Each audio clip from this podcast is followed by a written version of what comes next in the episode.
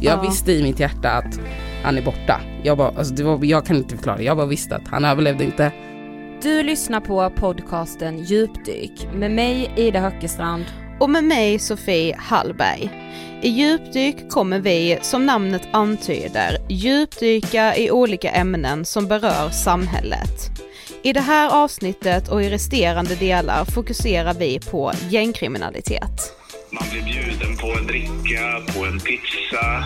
Barn så unga som tioåringar rekryteras som gängkriminella i Göteborg. Det vittnade polismannen David Wunsch om i en uppmärksammad rättegång i Göteborgs tingsrätt där domen kom nu i veckan. Och de äldre kriminella använder utpressning för att hålla barnen kvar i gängen. Man får vara med de äldre eh, och så börjar man få göra tjänster. Och, och efter ett tag så har man gjort en del tjänster och vill man då hoppa av så används det som påtryckningsmedel att man har varit med från start och att man ska berätta det här för föräldrar och skola till exempel. I den här delen träffar vi Ramatolaj, en ung tjej som förlorat en nära anhörig i gängkriminalitetens dödliga våld. Nationell kris. Jag har behövt säga jag beklagar sorgen för många gånger. Behövt stanna upp och hämta andan efter ett besked för många gånger. Behövt krama om någons familj för många gånger. Och varit familjen en gång för mycket. Ramatolai, eller Ramo som hon också kallas, har engagerat sig för förändring. Bland annat genom Flicka-plattformens rapport Flickarapport nationell kris, det dödliga våldet och också genom organisationen Kollektiv sorg. Rammo delar många av sina tankar och känslor genom sina dikter och hon har släppt sin egna bok Butterflies and Dead Roses. Hur påverkas man som ung tjej av att leva så nära inpå våldet? Hur kommer det sig att så många killar dras in i gängkriminaliteten men knappt inga tjejer, när de egentligen har exakt samma uppväxt? Hur stor roll spelar machokulturen? Och hur lever man vidare efter att ha förlorat någon man älskar? Mm, alltså jag har först varit engagerad ända sedan jag var yngre. Mm, för att jag kommer från orten och för att det dödliga våldet har varit runt om mig alltså i flera år och har påverkat mina familjemedlemmar och mina kompisar. Men speciellt flickrådet var så nyligen så att det var på grund av att jag förlorade någon i det Mm. dödliga våldet. Någon väldigt nära, alltså en anhörig. Ehm, så det, jag skulle säga att det bara ökade min liksom vilja att göra någonting Mm. på något sätt. Ja. I den här rapporten så är ni sju tjejer som fått liksom ge er bild av den här krisen som det här dödliga våldet ju faktiskt är. Känner du att ert perspektiv inte har blivit hört innan? Alltså, vi alla kom överens om att det har varit väldigt mycket grabbar, grabbar, grabbar. Mm. Ehm, och medan det är flickvänner och systrar och mammor som skakas om och är liksom, jag skulle säga är det en stor del av hela det här för att alltså på något sätt så lämnas man med sorgen men också så här, oron Mm. innan. Jag säger inte att andra grabbar inte har oron för sina vänner eller sina bröder eller så. Jag menar bara att alltså kvinnorna i det här har en väldigt stor roll och det har inte, det är inte någonting som tar plats. Liksom. Ehm, man har inte hört, kanske inte lyssnat. Ehm, så därför var- det väl viktigt att flickor och kvinnor fick prata nu ehm, om sin sorg på något sätt. Men om vi tar det lite från början, du är uppväxt i Västerort i Ja. Stockholm. Mm. Eh, hur ser du tillbaka på din uppväxt? Alltså, jag är ju ett maskrosbarn, det pratar jag om i min bok. Men förutom det så, min uppväxt rent så här, att när det gäller gå ut och typ vara med kompisar så var den väldigt alltså, bra på så sätt. Liksom jag, jag hade inte en sån oro att vara utomhus när jag växte upp. Alltså det har ju blivit mycket mer hektiskt nu. Eh, så att jag ser på Västerut som en väldigt Alltså det var glädje för mig, typ så. Eh, Och sen är det, tycker jag det är väldigt jobbigt och sorgligt hur det är nu. För jag kan själv känna att det är jobbigt att vara på vissa platser eller vara ute en viss tid. Inte bara för att jag är kvinna då, utan för sådana här grejer. Så man känner ändå liksom när man är uppväxt i de här miljöerna att det har verkligen trappats upp nu mycket på senare år. Absolut, absolut. Ja. Men du skrev till oss innan vi skulle ses idag om hur det dödliga våldet kom nära dig när du var omkring 14. Mm vad, vill du berätta lite? Ja, alltså då, ja, om jag kommer ihåg rätt så förlorade mina mostrar eh, kompisar alltså under typ en veckas tid. Det var något, det var en, jag skulle vilja säga en helvetesvecka där det var typ så här fyra eller jag vet inte hur många skjutningar bara så den veckan och då förlorade mina mostrar sina kompisar och alltså de var ju jätte, jätteledsna över det liksom. Och det blev en väldigt stor grej. Och där var det ju så här, ah, typ shit. Jag, jag, skulle inte vilja säga att jag tänkte på det överdrivet mycket då. Jag hade mycket annat i mina tankar och jag var ute hela tiden. Jag var ju i den åldern liksom. Men det var också någonstans där, där min anhöriga som har gått bort nu, um, jag fick mitt första så här, oros-sms från honom skulle jag vilja säga. Och alltså han var ju inte, han var bara två år äldre än mig så att det kanske inte är jättekonstigt men för en 14-åring när jag, när jag tänker efter nu är det lite så här, vad tänkte jag typ egentligen i mm. stunden? Mm. Ja. Men jag kommer ihåg att han sa typ så här, om någonting skulle hända mig så ska du veta att jag älskar dig typ och lite så. Och jag typ screenshotade meddelandet, svarade och sen tänkte jag inte så mycket Eller jag tänkte på det men inte så mycket som jag skulle tänkt på det idag. Mm. Um, så att där någonstans började också min ångest kring allt det här och min oro typ över att förlora någon själv. Men kan du minnas att du liksom, hade du förstått att han liksom rörde sig i miljöer som skulle kunna vara farliga för honom eller liksom att han, han ändå utsatt sig själv för, för fara? Jag vill säga ja och nej. Mm. Um, alltså jag skulle säga att det är väldigt lätt att Alltså jag har förstått nu i efterhand att man måste inte ens umgås riktigt i en krets där det händer sådana här grejer. Alltså det är liksom, saker händer, folk siktar inte rätt, hittar inte rätt person. Alltså det är väldigt mycket så här, sånt. Men allmänt så här, han bodde väl själv i ett eh, område som inte var så himla säkert. Eh, där det på, var ett pågående gängkrig, är fortfarande. Så att man, man, var ju orolig oavsett om man visste vem personen umgicks med eller inte. För den bodde ju där och den var en grabb och den såg liksom typisk grabbig ut och kanske hade på sig samma sak som alla grabbar hade. Liksom. Mm. Så att, ja. Men nu när du ser tillbaka på de här åren, alltså från att du var 14 fram till idag. Hur har liksom det här påverkat dig?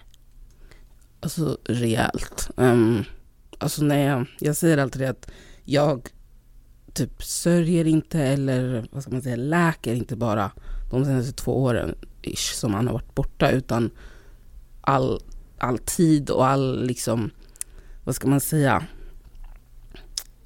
det har varit en sån tyngd på mina axlar att vara orolig hela tiden. Alltså en sån ångest att bära på och vara orolig och kolla Aftonbladet och se till att det inte är den eller den personen. Liksom, så att det har påverkat mig mycket mer än vad jag själv har förstått. Um, alltså min vardag och min hälsa allmänt. Alltså det är riktigt rejält. Ja. Men liksom om man bara tänker på tiden innan din anhöriga gick bort. Mm. Pratade ni mycket om liksom, ja men om hur allting såg ut inom familjen liksom? Pratade ni om den här allmänna oron som alla kände liksom? Nej, alltså grejen var att Nej, det skulle jag inte säga. Alltså, först och främst så bor, bor jag ju inte i samma stad som den delen av familjen heller. Eh, men också, jag var väldigt nära honom.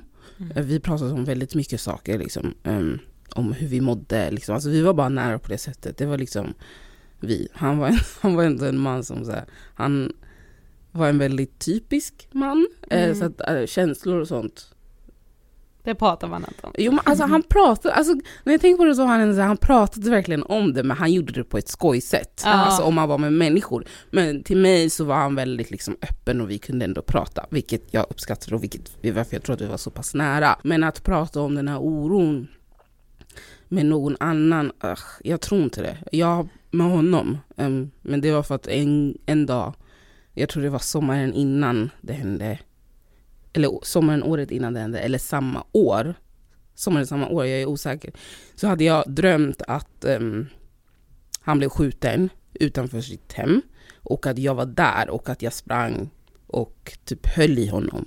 Eller typ skulle rädda honom eller något sånt. Mm. Och det var så verkligt så att jag hade vaknat och mått skit och gråtit så hade jag skrivit till han Och då hade han bara, då skrev han, då sa han så här, han skrattade typ och var så här, Taha, du behöver inte oroa dig typ så här, eller någonting sånt där. Och sen så var det ju ganska likt bara att jag inte var där eh, som hände. Eh, så att på så sätt så brukade vi prata om det. Men det var aldrig så här, prata om oron och sånt, alltså det fanns liksom inte. Um, jag tror inte att jag gjorde det med min kurator eller min psykolog. Alltså det, och det var inte för att jag skämdes utan det bara, det bara blev inte så. Nej, för det kän- eller du har ju skrivit en, en dikt, bland annat som vi har hört, om, alltså som att han själv visste att han skulle dö. Tror du det var så? Han, till mig, eller till alla, tror jag i alla fall i hans omgivning, så har han alltid sagt att han tror att han kommer dö. Han sa alltid att han inte trodde att han skulle nå en viss ålder. Och det är en mentalitet som många grabbar har tyvärr i den här miljön, i orten, kanske inte vågar tro att de kommer leva till en viss ålder på grund av vad som händer runt om dem. Um, och det var ju väldigt hektiskt runt om honom. Jag vet att han förlorade väldigt mycket kompisar genom åren. Bland annat när jag var yngre också. Um, så att den grejen att han, att han alltid har sagt att han vet att han kommer inte nå, vad sa han, 25. Det, det är väldigt så shit typ. Men samtidigt så är det där, man vågade inte tro honom men samtidigt var jag såhär, det kan ju hända. Men du vet ju att jag reagerade på också när jag läste Diamants bok att de som han hade pratat med, många av dem hade just den, liksom, de hade bara accepterat att så här, jag kommer nog inte bli äldre än 25. Det var det, han var liksom så lugn med det. Så. Ja. Typ så, jag lever mitt liv för att jag tror inte att jag kommer nå en viss ålder. Men när vi läste den här eh, rapporten då som du är expert i, eh, så var det väldigt många frågor där som vi tyckte var extremt intressanta. Men bland annat så fick ni, eh, sju tjejer som är med i rapporten, diskutera begreppet orten. Eh, och det är ju ett ord som man, eller alltså så här hur ni förhåller er till det, för det är ju ofta, alltså när man pratar om det dödliga våldet och så här i politiken eller i samhället i stort så refererar man ofta bara till ordet orten liksom. Men vad, vad är orten för dig? Alltså det känns väldigt hemma. Alltså nu bor jag i en helt annan ort än vad jag är uppväxt i. Jag bor på röda linjen. Det känns jättekonstigt. jag bor där med min sambo och jag bor i en ort som nu som känns så mycket som orten förut. Jag ska inte säga att jag, är, jag inte är så här nojig för att det var faktiskt en skjutning utanför oss i somras. Ehm, men ingen blev skadad då, men det var sk- en skjutning. Eh, och men det känns så mycket som förut, som när man var yngre. Liksom. Alla barn är bara ute.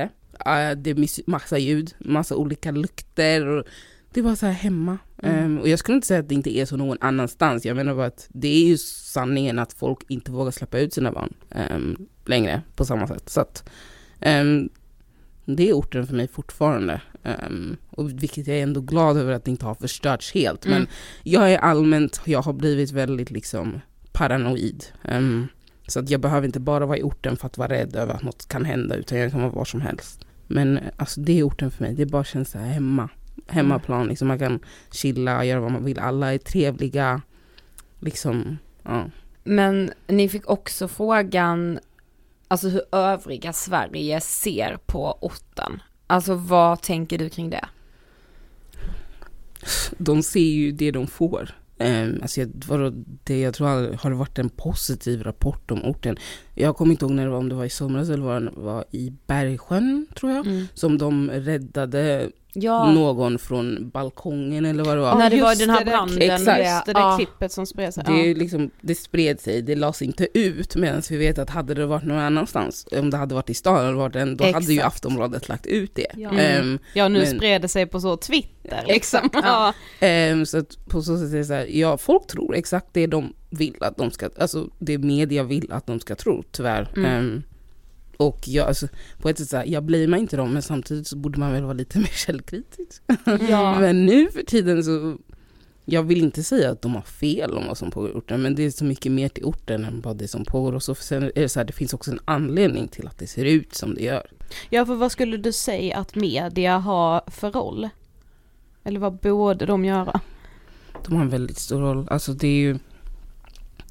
Alltså jag har bara sett dem eh, pratar om skjutningar. Alltså skjutningar är rubrik i cirka, alltså nu är det riktigt kanske en timme. Och sen så finns, ser man inte det på Aftonbladets första sida längre. Alltså det är liksom inte viktigt. Någon har dött, någon kanske liksom ligger på intensiven men det syns inte. Det är liksom kanske sport nu som tar halva sidan Mm. och skjutningen tar en sån här liten Ja. sida liksom.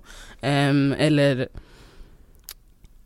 alltså ja, jag vet inte, det, jag, jag slutat vara väldigt så här.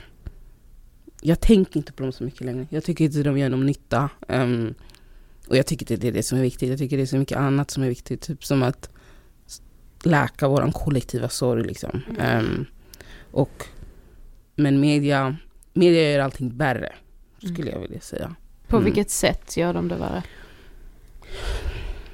sättet de hanterar det och det, det um, informationen de skickar ut. Um, jag tycker bara att det finns andra sätt att hantera det på. Jag tycker också att man kan faktiskt behandla kanske problemen som att det är viktigt. Alltså, det känns bara som att det är en vardaglig, vad ska man säga, vardaglig nyhet. Typ så. Mm. Att det är liksom en, som att det är en självklarhet, typ att som att det kommer vara Nyhetsmorgon på TV. Så är det en självklarhet att okej, någon kommer skjutas och det kommer stå där i en timme. Liksom. Mm.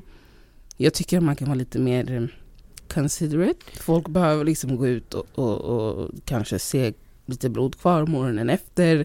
Liksom det skjuts i portar, folk dör i portar. Alltså Exakt. folk bor där. Mm, alltså, liksom, ja. Det är barn som bor där. Alltså, det, alltså, även om man bor där och inte ens har någonting med det här att göra, man påverkas ju. Det är det som är så viktigt att förstå. Och det verkar som att folk bara tror att ja men de är kriminella och, och, och det är bara de som påverkas, de borde typ dö. Det spelar ingen roll, de kan liksom självsanera. Men det är verkligen så mycket mer. Alltså, jag tycker Ja. det är så himla trångsynt att man kan tänka på det sättet. Men 2019 när, när du tar studenten, Mm. hade din anhöriga liksom dragits in i kriminalitet då? Mm, nej, eller alltså jag skulle säga att han hade vissa umgängen redan då. Alltså det var liksom, det var inte nytt om man säger så. Um, han var känd hos polisen helt enkelt, tyvärr. Um, så det var ingen nyhet för mig. Um, ja. Men där när du liksom ska ta studenten, vad, vad känner du där och då? Inför livet och framtiden? Och... Jag var så glad den här sommaren. alltså jag, eh, jag vet inte, jag var bara så glad och jag hade så kul. Eh, Jag säger alltid att det känns som att liksom Gud gav mig någon slags här, sista lycka innan allting skulle gå åt helvete. Alltså det känns verkligen så för att jag hade så otroligt roligt. Jag hade kul med mina kompisar varje dag gjorde vi typ någonting. Varje dag vi liksom um, och gick och åkte båt. Alltså det fanns inte en dag där vi typ vilade. Um, Mm. Och eh, jag träffade också min kille den sommaren. Så att den var väldigt eh, en minnesvärd sommar. Och sex månader efter din student så tvingas ni gå på hans begravning, din anhöriga. Alltså vad var det som hade hänt? Ja, då... ehm, det var, det, två dagar innan nyår. Strax efter jul. Då hade vi inte firat jul tillsammans. Jag firade här med min mamma. Och mina... Ja, min, jag firade här med min mamma. Och ehm, han firade i sin stad då, då med andra familjemedlemmar. Ehm, och jag kommer ihåg att vi pratade, sista dagen vi pratade var på jul. Mm, men vi skulle fira nyår tillsammans och det var jag jätte, vi var, eller vi var bara allmänt taggade över det. Jag kommer inte ihåg varför den här nyåren var så Nej men jag vet inte, det var bara något som var så kul eh, och eh, det hade varit ett bra år. Jag tror det var det, det hade bara varit ett bra år och vi var bara taggade och ehm, det var, detaljerna var till och med oklara. Det var så här, ja men ni får komma ner hit. Och det var så här, men ni får komma upp hit. Ehm, och så var det så här, okej men vi löser det. För att på något sätt så skulle vi ändå ta oss, jag och mina vänner eller vad det nu var, skulle ta oss och träffa dem. Och sen så på den 29 december så det var också en väldigt bra dag. Konstigt nog, jag, vi vaknade och jag och mina vänner skulle åka till Malmö Scandinavia. Så vi åker till Malmö Scandinavia, min kompis jobbar där på Frozen Yoghurt då och vi åker dit. Min komp- några av mina kompisar sh- shoppar typ. Vi går till min kompis eh, jobb. Jag tror vi åt Frozen Yoghurt. Så säger vi att men vi åker och vi har tacokväll. Ah, Och så sätter vi oss i bilen, men min kompis jobbar fortfarande, hon ska komma sen. Eh, och det här är mina bästa kompisar, alltså vi har växt upp tillsammans. Och sen några andra som vi har träffat nyligen. Och så sätter vi oss i bilen och vi åker från Mal och då, bilen är liksom fullsatt och jag sitter i mitten för att jag var väl minst. Mm. och sen en väldigt viktig grej är också att veta att jag har alltid koll på Aftonbladet. På grund av den här anledningen. Jag kollar alltid Aftonbladet. Jag får notiser och jag kollar alltid för att jag måste veta ifall något händer. Och jag tror inte, det var inte ens bara med han. Det var bara så här i allmänhet. Alltså det är så mycket skjutningar och sånt. Man vet aldrig om man kommer känna den som går bort liksom. Men vi sätter oss i bilen och kanske tio minuter in typ. Jag tror att larmet kom in till polisen 17 och jag är osäker, jag kanske har för 17 och 20, men 17 och någonting. Um, och så ringer min telefon för att och då, alltså det har bara gått kanske på riktigt fem minuter. Det är liksom ingen som ens vet. Um, föräldrar har inte fått, alltså liksom så liksom folk är på väg till sjukhuset men jag hade lite tur då för att eh, hans kompis känner min tjejkompis. Så han ringer henne och säger du måste ringa Ramo. Um, jag tror att han är död. Um, och de ringer mig och de säger, det enda min kompis säger är så här, det har varit en skjutning i det här området. Och du vet, jag bara la på min telefon, gick in på Aftonbladet, och sen jag bara, jag sa bara nej. Typ. Och mina kompisar i bilen, de förstår inte vad som händer. Så jag bara nej och sen så ringer jag till hans bästa killkompis. Han svarar mig. Och han låter lite så här, jag bara vad händer? Så han bara, jag vet inte. Jag bara vadå du vet inte? Han bara, ja jag vet inte, de, vi är på väg till sjukhuset, de säger att han är död. Och då har det gått, alltså det har gått kanske en kvart, tio minuter nu. Så, så jag bara... Men stod det redan någonting på Aftonbladet då? Gjorde det inte. Nej. Det var det för att han, det här hände utanför eh, där de bodde. Ja. Så det var väldigt, att klicka vad som hade hänt, det var inte svårt. Eh, men han säger, vi är på väg till sjukhuset, de säger att han är död. Jag vet ingenting. Och du vet, jag, jag tror jag skrek. Eller något och så jag sa bara så här, ring mig när du kommer fram. Och sen typ lägger jag på och jag typ, jag har för mig att jag börjar gråta. Um, och min bästa vän kör. Liksom mitt på motorvägen och, och hon, du vet, hon försöker hålla hennes eh, cool liksom. Och jag tror jag gråter ganska, ganska tungt i typ så några minuter och så lugnar jag ner mig lite. Um, hon släpper av några av våra vänner och jag får sätta mig där framme för att typ kunna så andas. Jag ringer, jag har för mig att jag ringer min mamma. Um, jag ringer min kille. Och det är så sjukt för vi åkte från Jakobsberg till mig då och då det, alltså det är inte en lång resväg men det kändes som evigheter. Eller det kändes, alltså det kändes inte jobbigt. Jag kommer ihåg att jag satt så lugnt där typ och kollade på vägen men det kändes som att vi åkte så lång tid. Och så kommer vi precis utanför mig och så får jag ett till samtal och så säger de Ja men, och då måste jag ändå säga att jag visste redan. Jag ja. visste i mitt hjärta att han är borta. Jag, bara, alltså det var, jag kan inte förklara, jag bara visste att han överlevde inte. Och då, men då får jag också ett samtal som bekräftar det. Jag gråter lite mer, kramar min kompis, går ut. Min mamma springer ner liksom och typ eh, omfamnar mig och så går jag upp. Och så, ja.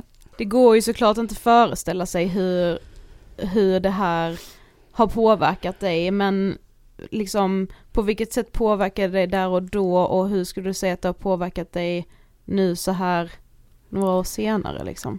Eller ja, det är ju inte ens länge sedan, alltså ett och ett halvt år sedan. Ett poddtips från Podplay. I podden Något Kaiko garanterar östgötarna Brutti och jag, Davva, dig en stor dos skratt. Där följer jag pladask för köttätandet igen. Man är lite som en jävla vampyr. Man har fått lite blodsmak och då måste man ha mer. Udda spaningar, fängslande anekdoter och en och annan arg rant.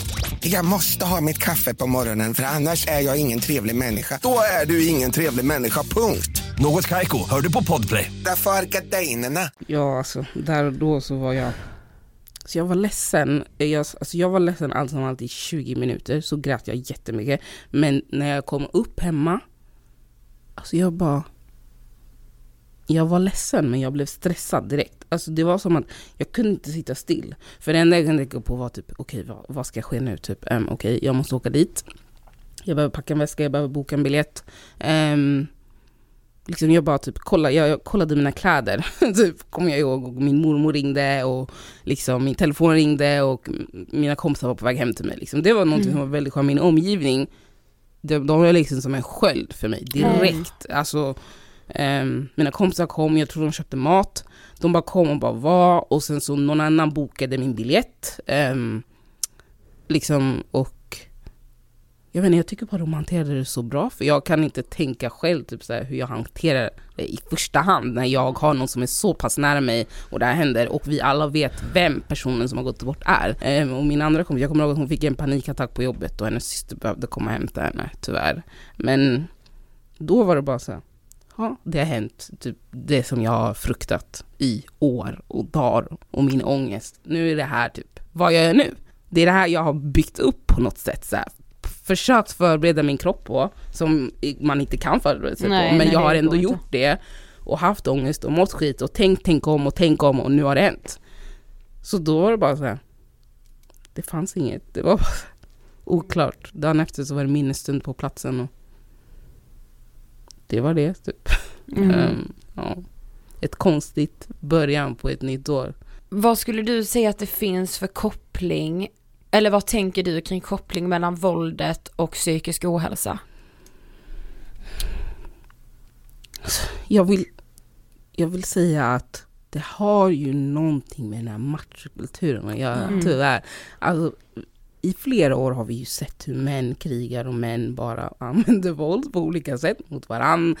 Alltså liksom så. Um, och jag känner att det har någonting med makt att göra. Alltså jag tror absolut att saker börjar, man kanske börjar sälja någonting för att man behöver överleva. Och det är tyvärr den hårda sanningen. Samhället ser ut på det sättet, det är svårt att komma liksom, vad ska man säga, klara dagen. Eh, men sen så på något sätt, och jag vet inte på vilket konstigt vänster, det bara eskalerar så otroligt. För det handlar väl bara om att alla vill göra pengar. Men jag tänker väl att alla kan väl kanske inte göra pengar på samma områden och det är det som tyvärr skapar konflikt. Ehm, men också så här, många grabbar känner en tillhörighet i sådana här umgängen. De förstår varandra. Det är jobbigt hemma kanske. Um, man känner känslor som man inte kan känna någon annanstans. Eller alltså vad som helst. Bara mm. tillhörighet att man umgås, man tuggar. Man, alltså förstår Och det är inget fel med det. Jag har också tuggat. det kanske låter lite så. Men man chillar ute liksom. Ja. Alltså, mm. Oavsett väder. Och det behöver inte ens betyda att man står och gör något kriminellt eller att man har något kriminellt gemensamt. Det, är bara, det finns tillhörigheter som man känner hos varandra. Um, och det är inte alltid man kan prata med sina föräldrar. Det är, alltså, man har inte alltid den där, vad ska man säga, relationen hemma.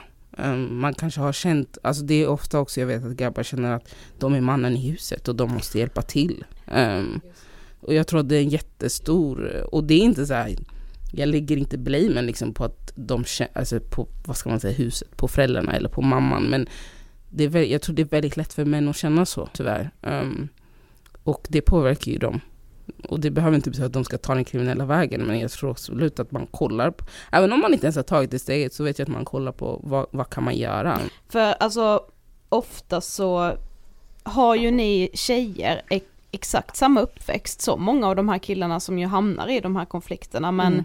liksom rent generellt så är det ju inte ni tjejer som hamnar i det här våldet. Men på vilket sätt känner ni av konflikten eller varför tror du att det är så stor skillnad. Vi pratade om det här och du vet, jag blev så himla, jag bara shit, jag har aldrig tänkt på det här. Och du vet, mm. Sara tror jag från Flickplattformen, hon sa, ni växer upp i samma hus, samma förutsättningar, men ni beter er någorlunda, vad ska man säga, normalt. ja. Men ibland så kan grabbarna hamna i sådana här situationer.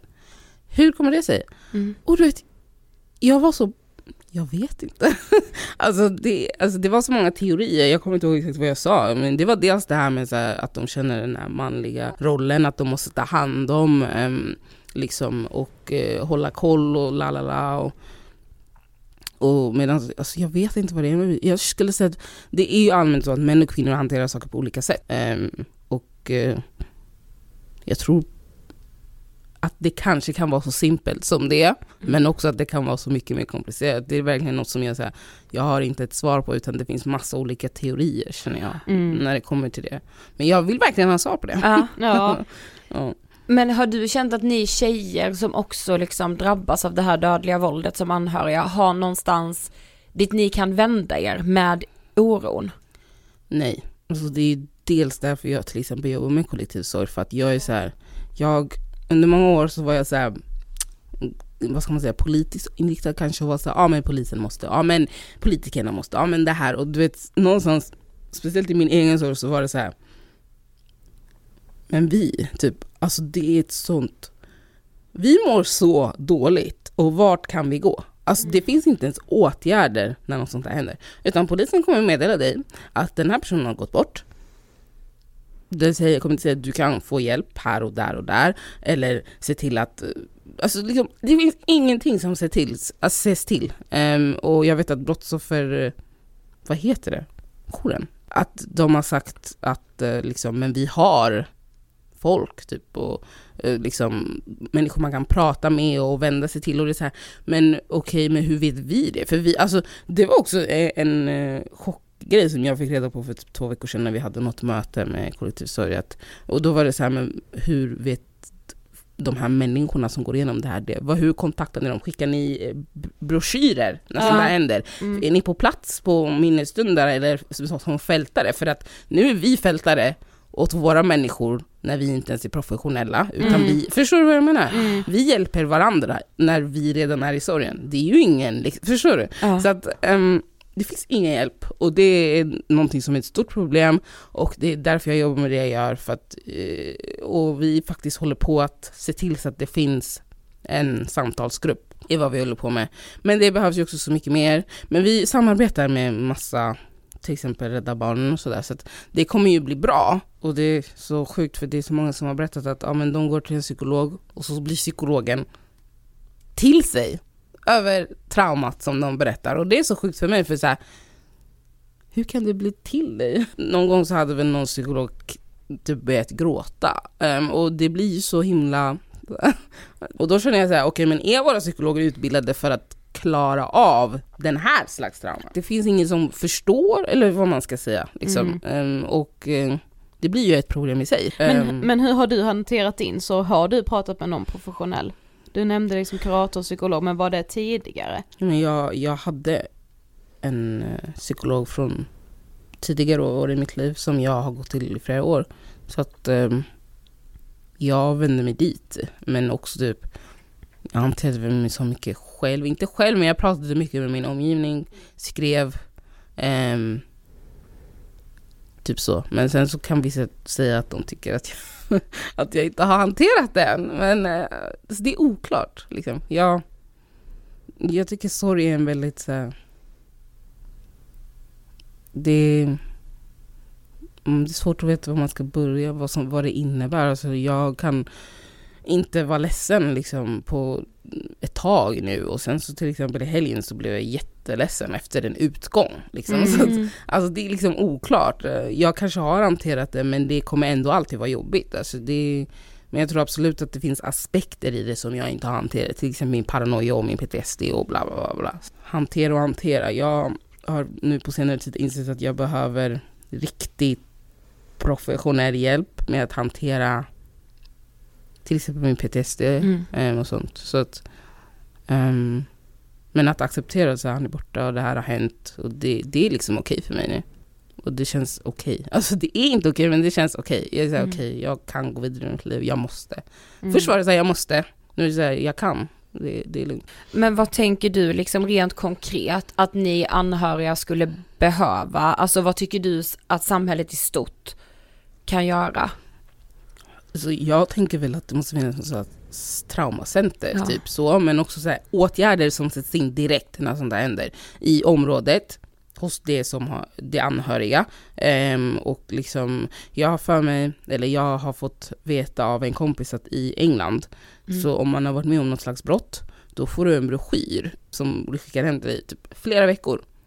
Alltså även om du inte reagerar på den så skickas den i flera veckor hem till dig för att ah ifall att du Ja, vill. Förstår du vad jag menar? Ja. Som Bara en sån grej. hela tiden, Exakt, liksom. en sån grej att du vet att du kan ta den här och den här hjälpen Exakt. när du är redo att göra det. Mm. Liksom, jag säger inte att de måste komma och knacka på varje dag, efter, inte det jag säger, men bara visa em, till exempel att Brottsofferfonden är ute där och liksom bara är, kanske syns till på minnesstunden och berättar för de som mår dåligt att behöver ni någonting, liksom, Mm. kom till oss, vi, ni kan prata, ni kan göra det här och det här och det här.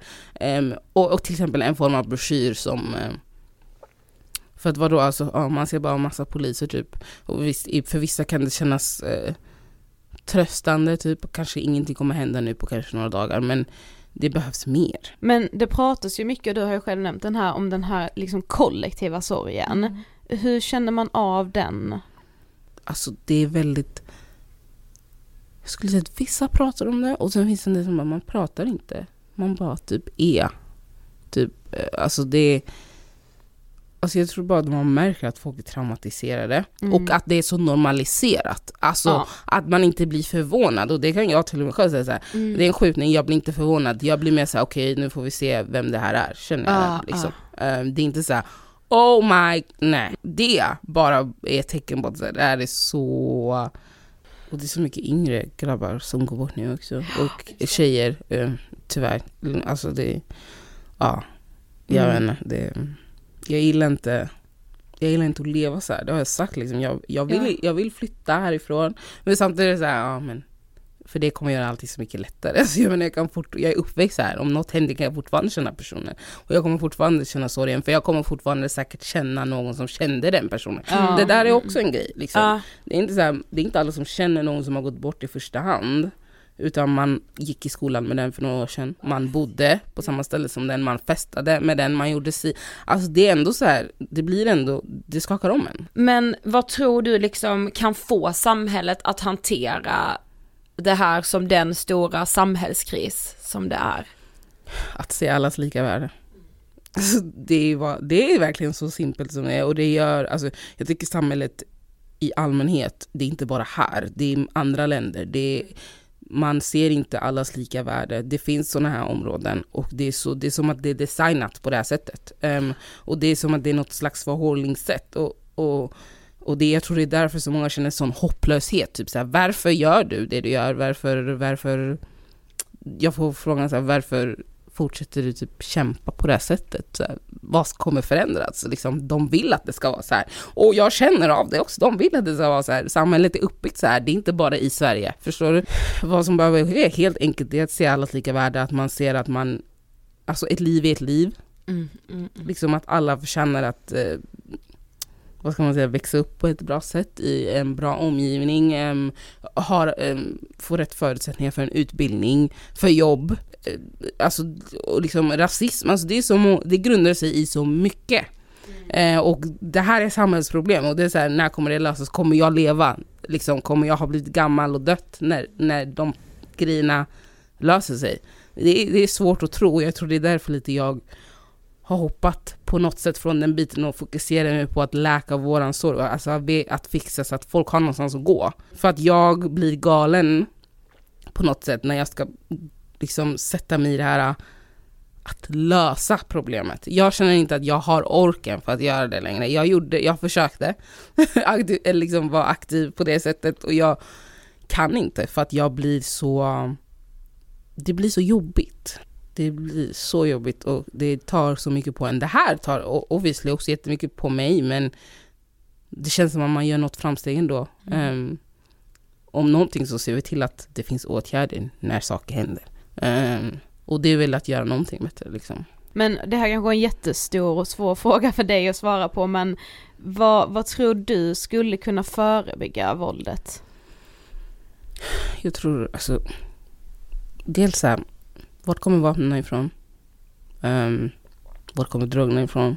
Uh, bättre förutsättningar för att folk ska kunna välja att inte vända sig till det kriminella kanske. För att folk, det är viktigt att förstå att de som har tagit sig in här, hälften vill inte vara här. Avhopparprogrammen till exempel behöver mer resurser till exempel för att om en grabb hör av sig dit och de inte kan hjälpa honom direkt, vad är det som, alltså vad är det som tro, får du tro att om 48 timmar så kommer han inte nej, ha ångrat nej, sig? Nej, nej. Och, och, och hälften av dem också har ju inte gett sig, alltså det kanske handlade om en påse weed någon gång och sen har eskalerat, alltså det är ju, jag tror inte det är någon som, okej nu så är det ju tyvärr så att det är många ungar som, jag känner jättemånga som jobbar med ungar i förorten nu och de är så här, deras liv, eller deras idéer är ju att de ska bli vad de ser. Och det här är bara det där är bara så här, nu får ni liksom göra någonting för att de ungarna tänker att de ska bli så och de ska leva så och pengar och cash och, och ja, de ska också dö unga. De har någon idé om att de kommer dö unga för att det är så det ser ut.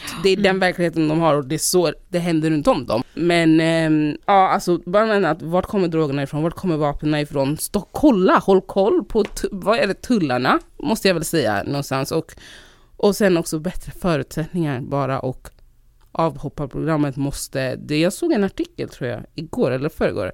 Det är många som har anmält sig. Men känner du att de här områdena runt om i Sverige som liksom, där det sker många skjutningar och där det här dödliga våldet utspelar sig, att de har blivit svikna av samhället? Ja, mm. alltså. Ja, de stänger ner fritidsgård efter fritidsgård liksom, till exempel. Vart ska man umgås då? Vadå, vart ska de förhålla sig till? Alltså vad ska de göra? Vad ska, alltså, nej, alltså bara, bara sådana där grejer. Liksom, eh, till exempel ortens bästa poet kunde inte fungera längre liksom, på grund av att de bara jag kommer inte ens ihåg exakt vad som hände, om det var poliser eller om det var väktare som bara rasprofilerade folk och var jobbiga och, och liksom störde folk på plats. Och liksom, alltså förstår du, man får inte ha, man får inte ha något bra. Vi får inte ha något bra. Och så, och så är det konstigt när vi gör någonting dåligt för att vad ska vi göra? Oh, jag vet inte. Jag försöker heller inte rättfärdiga vad som pågår nej, och att nej. folk dödar varandra. Utan men det är också bara så här, vad får vi? Vad kan, vad, alltså förstår du? Det är inte mm. så konstigt att folk känner att det inte finns någon annan utväg. Det är väldigt viktigt att förstå att folk inte vaknar upp och, och känner att de ska um, skjuta ihjäl varandra. Um, eller uh, som de säger att folk kom, folk kom till Sverige för att starta krig här och det är absolut inte så. Absolut inte. Jag tror inte det finns en enda människa som kom hit för det här. Jag tror folk, kom hit, eh, jag vet att folk kom hit för ett bättre liv. Och tyvärr så av många an, andra anledningar än den här, eh, det här våldet så har det inte blivit så. Lyssna på resterande avsnitt redan idag. Du hittar allt i Djupdyks flöde. För mer information och material kan du kolla Djupdykpodden på Instagram. Podplay. Poddtips från Podplay. I podden Något Kaiko garanterar östgötarna Brutti och jag, Davva, dig en stor dos skratt. Där följer jag pladask för köttätandet igen. Man är lite som en jävla vampyr. Man har fått lite blodsmak och då måste man ha mer. Udda spaningar, fängslande anekdoter och en och annan arg rant. Jag måste ha mitt kaffe på morgonen för annars är jag ingen trevlig människa. Då är du ingen trevlig människa, punkt. Något kajko, hör du på podplay. Därför är gardinerna.